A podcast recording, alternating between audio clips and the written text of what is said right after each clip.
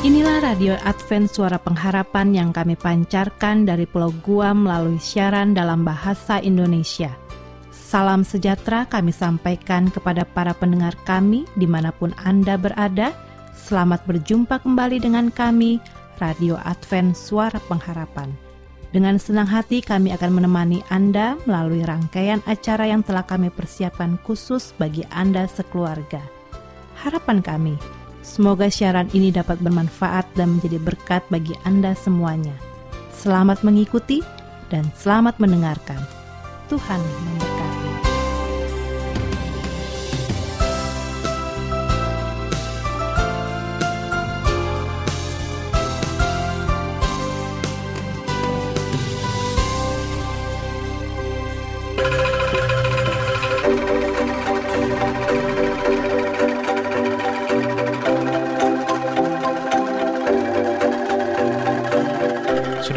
Pendengar yang dikasihi Yesus Kristus di mana pun Anda berada, kembali lagi dengan kami, Radio Advent Suara Pengharapan. Dan saat ini, kita akan memasuki acara yang pertama, Ruang Mendidik Anak. Yang pasti sangat cocok untuk para orang tua dan wali, atau siapa pun yang memiliki tanggung jawab mengasuh anak.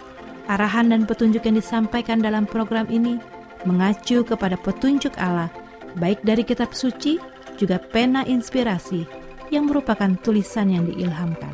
Namun sebelumnya, mari kita dengarkan lagu pujian yang berikut ini. Dari studio, kami ucapkan selamat mendengarkan.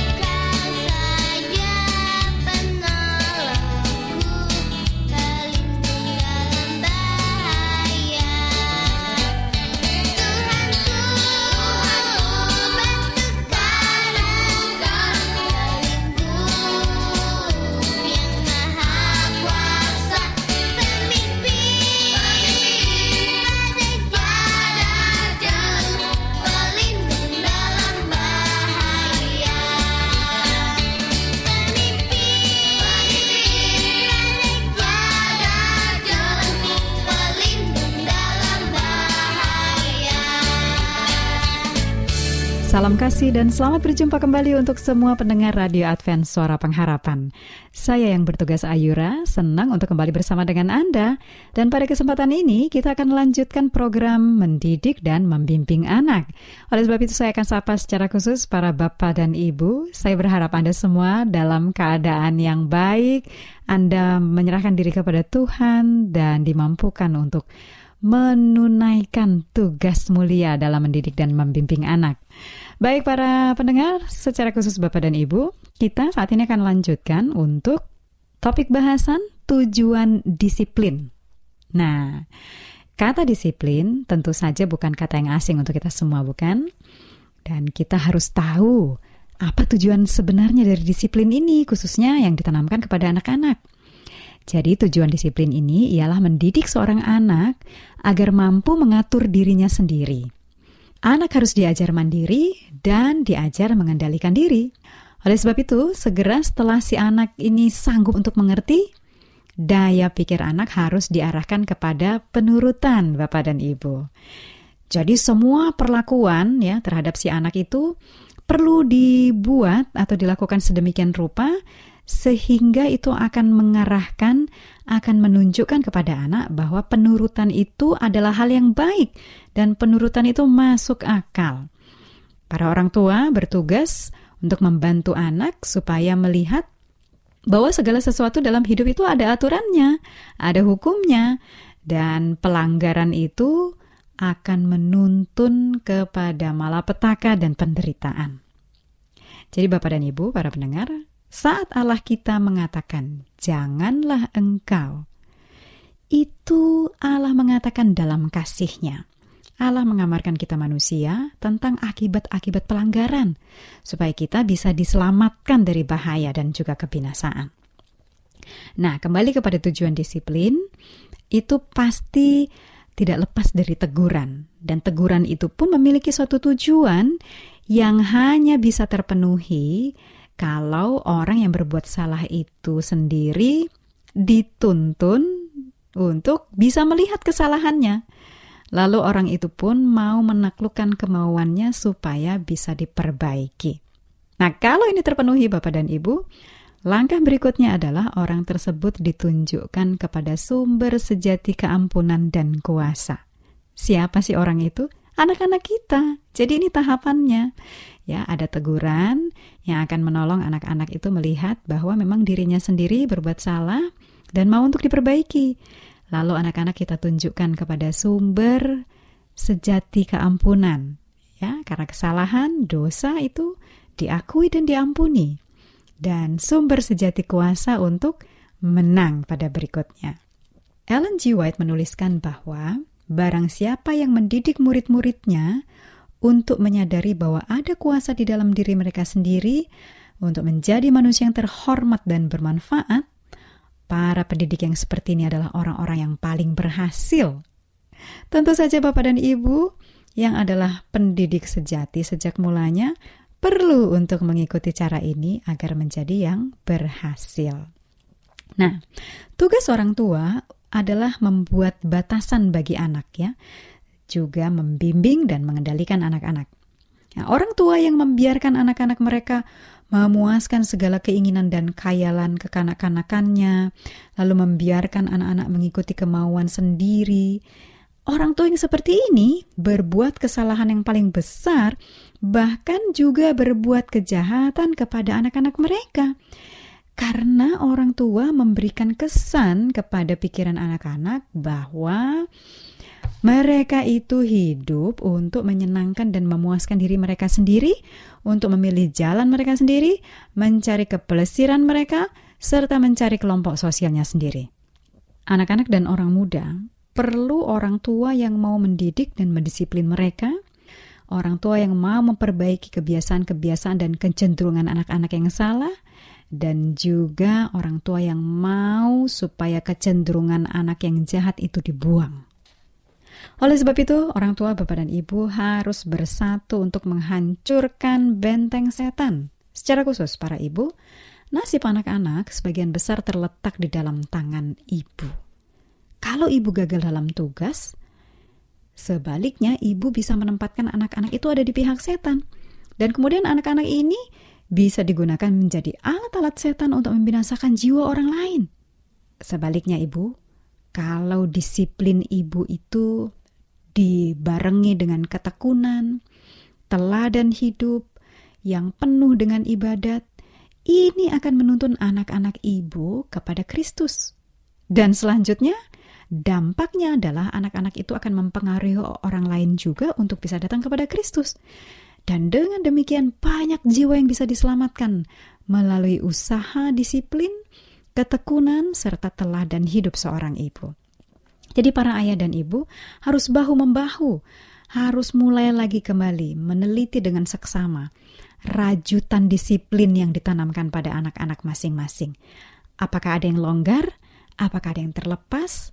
Jadi para orang tua harus lebih dahulu menyelesaikan pekerjaan yang terlewatkan. Kita harus dengan konsisten dan sungguh-sungguh menghancurkan benteng musuh jiwa yaitu setan. Jadi ayah dan ibu perbaiki anak-anak dengan penuh kemurahan. Supaya dengan demikian menghindarkan anak-anak juga dari kuasa musuh. Jangan tawar hati, jangan putus asa. Nah, langkah-langkah apa yang harus ditempuh untuk upaya seperti ini? Yang pertama, ajar anak-anak untuk menghormati wewenang orang tua dan ilahi.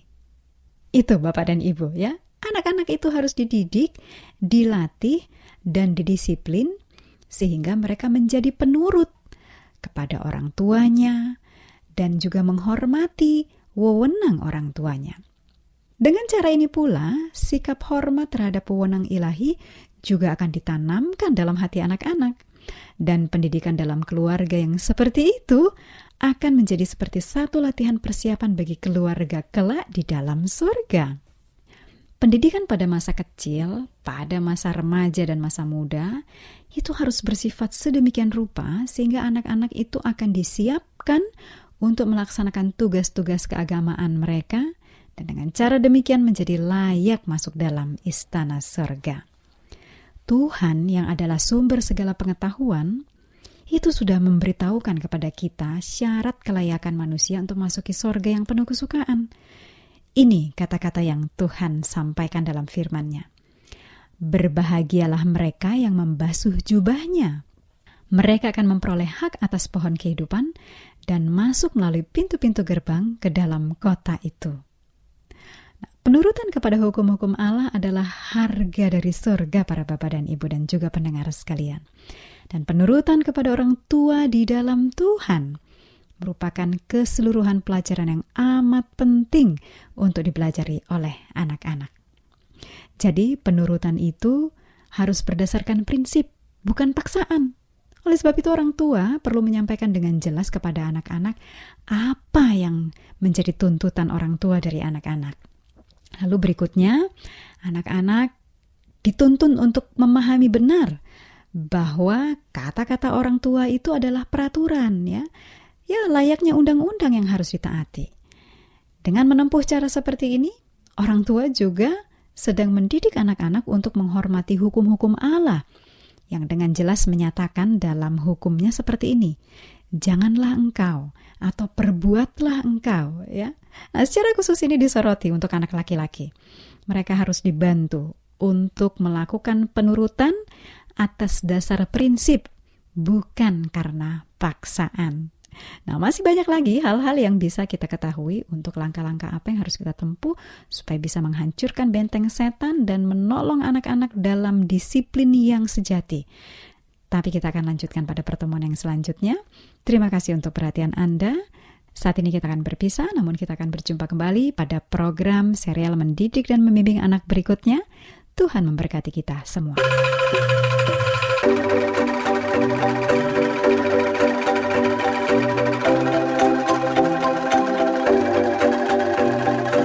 Demikianlah acara yang kita sudah dengarkan bersama, yaitu Ruang Mendidik Anak. Semoga itu bisa bermanfaat bagi kita semua, bagi keluarga, bagi orang tua, dan terlebih lagi bagi anak-anak kita. Kiranya ini dapat menjadi penuntun praktis dan bermanfaat bagi tugas mulia yang sudah Allah mandatkan kepada kita. Sampai berjumpa pada kesempatan berikutnya dan selamat mengikuti acara selanjutnya.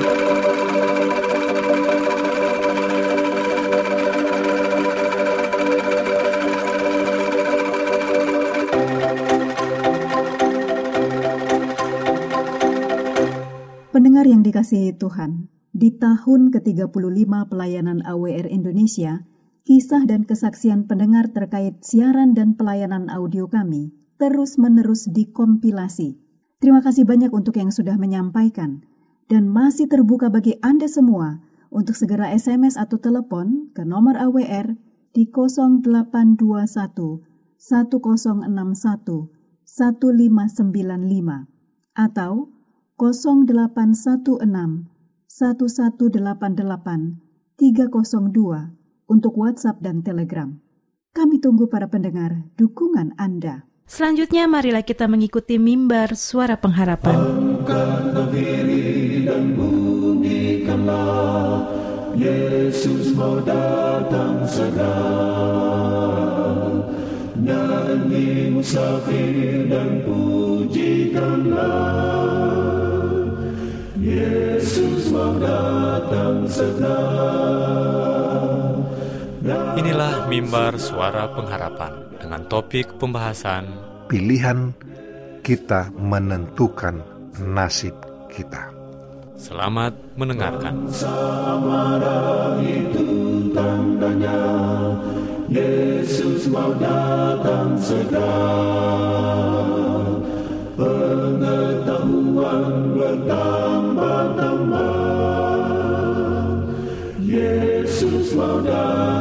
Shalom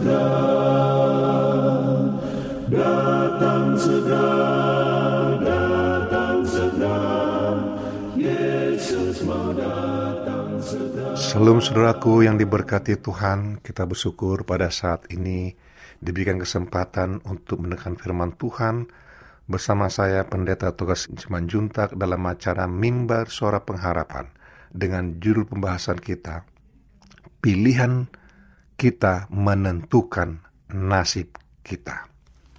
Nah, saudara, begitu saudara bangun tidur, maka di hadapan saudara sudah terdapat pilihan.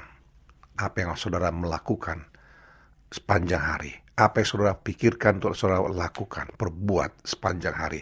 Dan itu menentukan perjalanan hidup saudara, karir saudara. Bukan hanya itu sepanjang hari, bahkan bisa sepanjang kehidupan saudara. Amsal 16 ayat 25 katakan, Ada jalan yang disangka lurus, tetapi ujungnya menuju maut. Benar saudaraku, banyak kita kadang terjebak.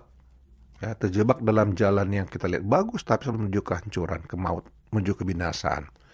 Nah, satu ketika pernah saya mengadakan perjalanan, satu ke daerah, lalu kami lihat ada jalan sangat bagus kelihatannya. Lalu saya tanya sama teman, bagaimana jalan ini? Wih bagus ya, coba lihat sini. Tapi kami tidak membaca tanda bahwa jangan lewat di sini. Gak baca tanda, mungkin tertutup pohon gimana, dilarang untuk apa melintas.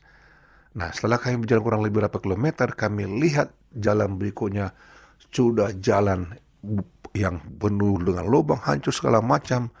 Lalu kami berpikir cepat. Ini bukan jalan yang baik dan benar. Kita harus putar balik. Kami pun putar balik. Lalu sampai kami kembali ke jalan semula pilihan itu, kami tanyalah kepada penduduk. Waduh, untung Bapak tidak terus ke sana. Kenapa? Di situ sering terkena longsor dan depan itu juga kadang-kadang tiba-tiba langsung curam dan menurun dengan tajam dan batu-batu dan bisa berbahaya. Menuju maut katanya. Nah, sudah sering kita memiliki satu jalan pemikiran kelihatan lurus, bagus, eh, hebat, tapi sebenarnya itu tidak tepat. Kenapa?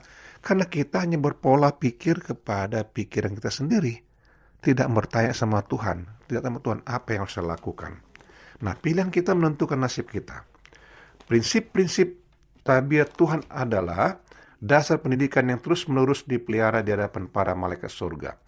Prinsip-prinsip tersebut adalah kebaikan, rahmat, dan kasih. Terangi menerangi diri haruslah diakui dan diterima dengan bebas oleh semua orang yang menempati posisi penting dan berkuasa. Mereka harus menerima prinsip-prinsip Tuhan serta meyakinkan semua orang yang sedang melayani Tuhan melalui penyampaian kebenaran dan keadilan dan kebaikan. Dan inilah satu-satunya kuasa yang bisa digunakan. Jangan pernah menggunakan pemaksaan. Jangan pernah saudaraku. Sekali kita menggunakan pemaksaan, ya, maka kita akan rusak. Saudaraku, prinsip ini adalah fondasi pendidikan yang benar dalam setiap pelayakan di muka bumi ini. Peraturan yang diberikan Tuhan haruslah dipelihara dan dihormati dalam setiap jemaat. Tuhan telah memadukan hal ini, pemerintahannya bersifat moral. Tidak ada yang dikerjakan dalam paksaan. Kebenaran adalah kuasa yang berlaku. Semua pelayanan harus dilakukan dengan sukarela dan didorong oleh kasih kepada pekerjaan Tuhan. Saudara, saudara yang dikehormati karena kedudukan yang mungkin berpengaruh baik di masyarakat maupun di kantor ataupun di lingkungan, di gereja, di mana saya saudara berada, maka pengaruh saudara itu harus mewakili Tuhan karena dalam memimpin mereka untuk bertindak mewakili Tuhan dalam langkah-langkah saudara untuk pekabaran Injil. Tetapi kalau saudara tidak mempergunakan pengaruh saudara untuk melakukan yang benar menginjil, maka saudara akan merasakan itu suatu tindakan pilihan yang benar saudara, tapi sebenarnya membawa kehancuran. Gambaran setan melawan pemerintahan Tuhan dan pembelaannya terhadap mereka memihak kepadanya adalah sebuah dakwaan yang terus-menerus terhadap Tuhan. Semua sungutan dan keluhan itu sebenarnya tidak berdasar. Walaupun demikian, Tuhan tetap membiarkan setan melaksanakan teori-teorinya. Kenapa? Karena Tuhan tidak pernah mematikan langsung, tapi Dia kasih kesempatan untuk bertobat agar pilihan itu yang tadi salah bisa diperbaiki. Kalau saudara melakukan pilihan yang salah, Tuhan tidak langsung mematikan saudara, tidak langsung mengejat saudara, tapi Tuhan kasih kesempatan untuk memperbaiki pilihan saudara itu menjadi pilihan yang benar sesuai dengan kehendak Tuhan. Nah, saudaraku, Tuhan dapat saja kata aku memegang setan dan para simpatisnya para malaikat-malaikat surga yang terseret sampai banyak sepertiga itu dengan mudah dan melemparkan mereka semudah orang mengambil dan melemparkan batu kerikil ke atas bumi atau ke dalam bagaimana terlempar air ke dalam air batu-batu kecil. Tetapi Tuhan tidak melakukan demikian. Tuhan memberikan mereka kesempatan satu contoh teladan yang baik dan benar agar bagaimana kekejaman yang mereka itu bisa merusak merusak umat manusia.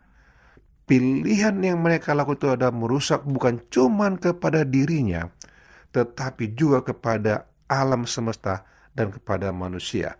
Itu sebabnya Tuhan memberikan kesempatan kepada Lucifer untuk bertobat kembali kepadanya. Prinsip yang Tuhan bukan yang berikan itu adalah suatu peraturan yang hidup yang membuat saudara dapat melakukan pilihan yang benar yang menolong saudara dalam jalur yang benar. Semua kuasa pemaksaan hanya ditemukan pada pemerintahan setan, tetapi dalam pemerintahan Tuhan tidak akan bekerja dengan paksaan, tetapi bekerja dengan pilihan yang benar. Tuhan menunjukkan inilah jalan yang benar itu. Inilah jalan yang lurus yang benar itu, bukan jalan pilihan manusia. Dan Tuhan menuntun kita untuk melalui jalan tersebut. Kalau Lucifer menghasut manusia, menghasut malaikat agar melawan Tuhan, melawan akan pemerintahannya untuk berontak kepada pemerintahan Tuhan, tapi Tuhan tidak pernah meninggalkan saudara dan Tuhan tidak pernah menghasut saudara untuk melawan bagaimana Lucifer itu harus ditentang. Tapi Tuhan memberikan contoh dan teladan menuntut saudara, memberkati saudara, memberikan tuntunan agar saudara mempunyai kekuatan melawan setan. Dan Tuhan juga sebagaimana pencipta, dia tahu kelemahan saudara. Dia tahu apa kelebihan saudara. Dia tahu yang tepat untuk saudara. Makanya Tuhan memberikan prinsip-prinsip yang baik untuk membuat saudara melakukan pilihan yang benar untuk bisa melawan muslihat setan. Nah, saudaraku, untuk saudaraku, saat ini jika saudara sungguh-sungguh melakukan pilihan yang benar, yang lurus itu bersama Tuhan, selalulah datang pada Tuhan, bersandar pada Tuhan, mintalah pertolongan Tuhan. Dan saudara, kami akan doakan saudara. Dan dengan demikian saudara bisa melakukan pilihan yang benar. Dan jika saudara mau bertanya, hubungi kami tim pelayan mimbar suara pengharapan. Dengan penuh sukacita, kami akan melayani saudara. Salam saudaraku, Tuhan memberkati. Amin.